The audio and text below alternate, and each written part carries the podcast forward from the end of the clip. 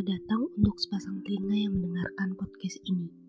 Kembali lagi di podcast Kata Diri dengan segmen Aku. Beda dari episode sebelumnya, episode kali ini bakalan lahir dari sudut pandangku dan pengalamanku saja. Gimana kabar kalian? Semoga kabar kalian baik di sana ya. Atau mungkin gak sempat berbahasa basi karena podcast ini terlalu singkat untuk didengarkan. Yang penting, kalian menemukan titik cerah di antara sempitnya celah. Kali kedua untuk membuat segmen aku, kali ini aku ingin berbagi mengenai luka yang harapannya dapat menyembuhkan perlahan dan dapat kalian tularkan pada lingkaran pertama kalian, yaitu keluarga. Membahas luka tidak akan mungkin semudah itu, sebab luka dapat tercipta dari sebagai dari berbagai arah dan kapan pun waktunya tanpa tahu di mana berhentinya jarum panah. Membahas luka tidak akan mungkin semudah itu, sebab luka dapat tercipta dari berbagai arah dan kapan pun waktunya tanpa tahu di mana berhentinya jarum panah. Berbicara mengenai luka kali ini bakal aku kupas dari lingkaran pertama. Yeps, keluarga. Why? Anak SD juga pasti udah tahu. Ya, karena keluarga tempat kata pertama paling sering terucap. Pertama merasakan hadirnya di dunia. Pertama mengenal kehidupan. Pertama memahami lingkungan. Dan pertama-pertama lainnya. Mungkin bisa dijadiin dokumenter. Judulnya itu pertama. pertama dan paling utama kita mempelajari dunia ini melalui orang tua, di mana kita memahami lingkungan sekitar yang harapannya dapat mandiri dan juga bisa bermanfaat bagi lingkungan. Maka dari itu, masa kecil kita mengemban peran terbesar dalam kehidupan dewasa nantinya.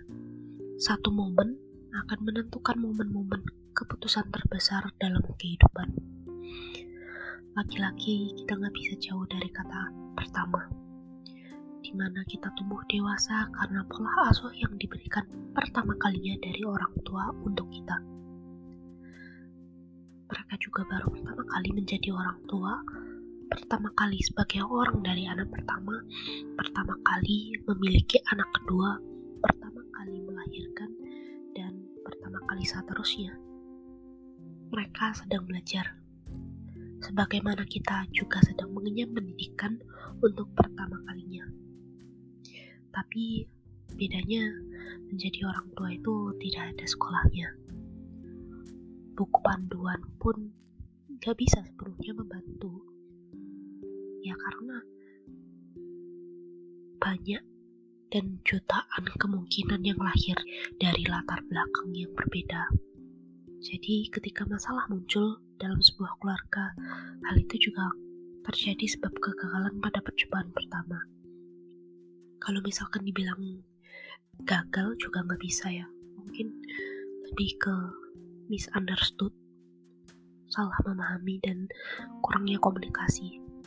Aku ingetin lagi, satu momen akan mempengaruhi momen-momen besar dalam kehidupan seseorang sehingga ketika kesalahan terjadi, maka di situlah timbul samar luka. Seperti memar, terlihat dari luar namun hanya dirasakan di dalam tanpa mengeluarkan getih atau darah. Terlihat jelas, tetapi hanya seorang diri yang merasakannya. Cuman kita yang ngerasain. Ketika menerima kesalahan tersebut, mungkin kita masih kecil. Tahu karena kita melihat tapi dibaliknya kita gak ngerti makna sepenuhnya itu apa. Dan sedihnya lagi yaitu kesalahan yang sama tidak jarang itu terulang terus menerus. Nggak harus mencetak memori perih. Itu aku ngobrolinnya bukan luka yang sekedar ya. Aku soalnya juga kepikiran sama teman-teman dengan luka batin semasa kecilnya punya permasalahan yang bukan sekedar, tapi permasalahan yang menjadi akar dari segalanya. Inner child adalah luka batin dari seorang anak semasa kecilnya. Kesalahpahaman terjadi tanpa adanya komunikasi keterbukaan. Ingin terbuka pun rasanya enggan karena takut diabaikan dan akhirnya dilupakan pun dikesampingkan. Sebabnya diri ini memendam ketimbang mengutarakan. Entah skenario apalagi yang akan terjadi dalam kehidupan kita, tapi luka ini perlahan terbuka, meneteskan darah. Sebab sudah tak bisa menahan sakit di dalamnya. Seiring berjalannya waktu, semakin paham bahwa kata pertama menjadikan kita belajar bahwa kehidupan ini penuh dengan kejutan dan setiap detiknya kita itu dituntut untuk mempelajarinya. Mungkin kalau aku pribadi bisa mengklasifikasikan dua kemungkinan orang dengan inner child. Pertama, untuk mereka yang risih sehingga ingin cepat keluar dari luka batin dan untuk yang kedua mereka berpikir bahwa ini sudah menjadi kebiasaan orang tuanya sehingga abai untuk membenahi. Biasanya ada kalimat, orang tua gue kayak gitu kok. Jadi kalau kayak kayak gini bukan salah gue dong. Gitu. Kalau kamu tipe yang pertama, yang ingin berbenah, kamu sudah tepat arah. Bukan berarti yang kedua enggak ya. Kalau kamu tipe yang kedua, mari kita sama-sama buka pikiran Pertama, luka batin itu timbul dari momen terkecil semasa kanak-kanak.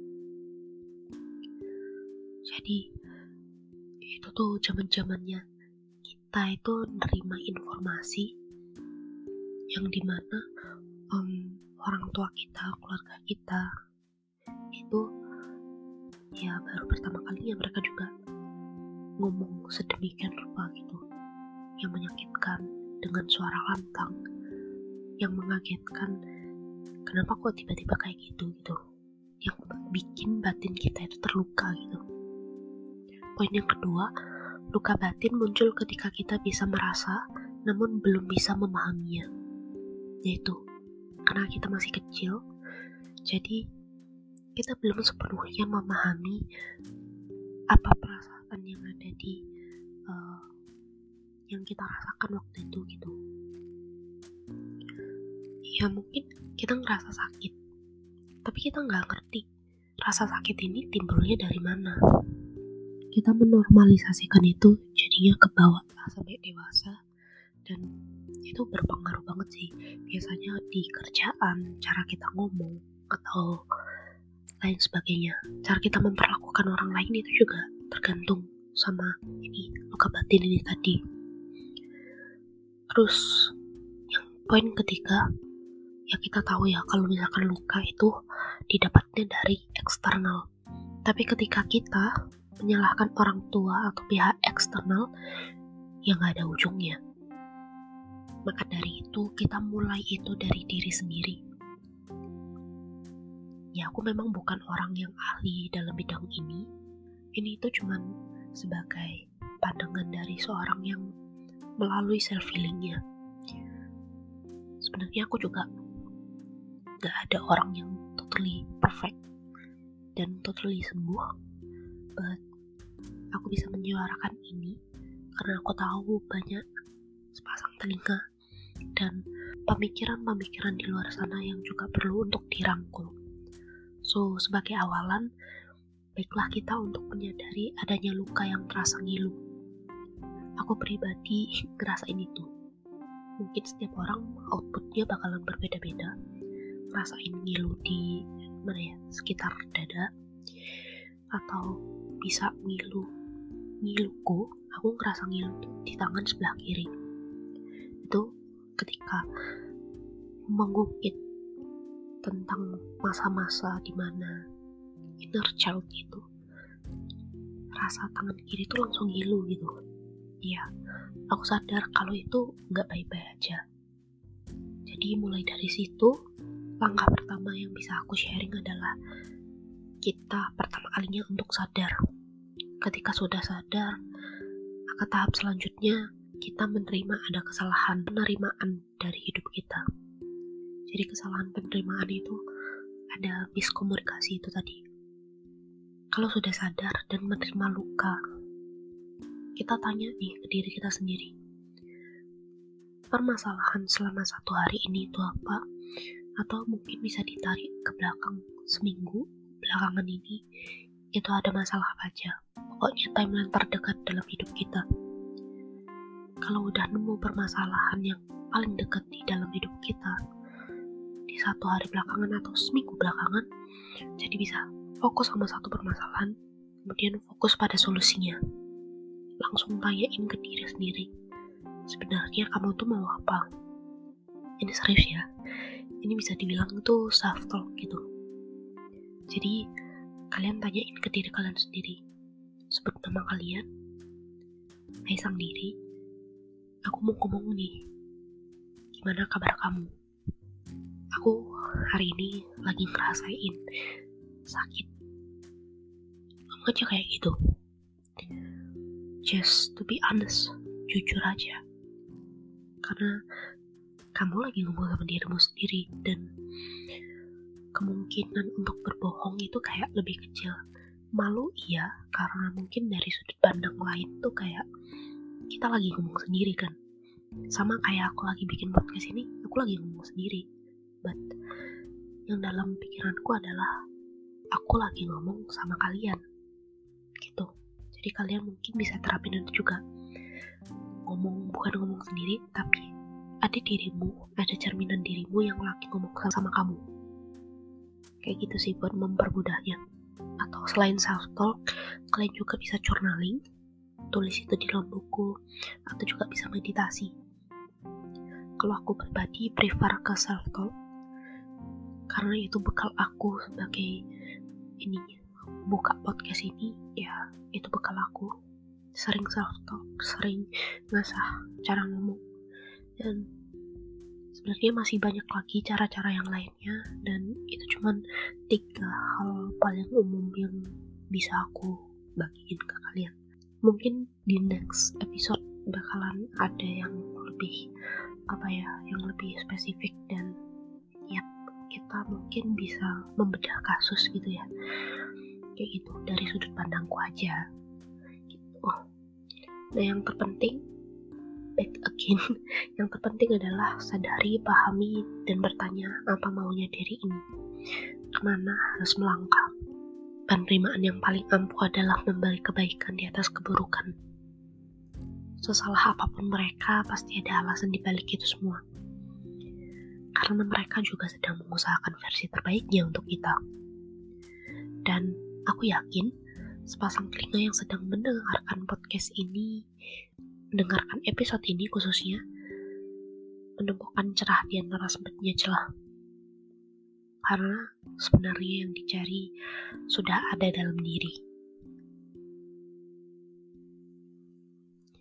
Sharing tersebut hanya sebatas perasaan yang ada di benakku tentang sebuah luka. Jadi kalau ada kesalahan kata, aku dimaafin ya. Ataupun ada perbedaan pendapat tentang pemahaman tersebut.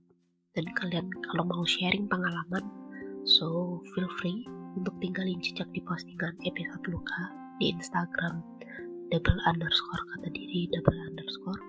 Semoga episode kali ini menjadi pencerah di antara sempitnya celah. Sampai bertemu lagi di segmen aku lainnya.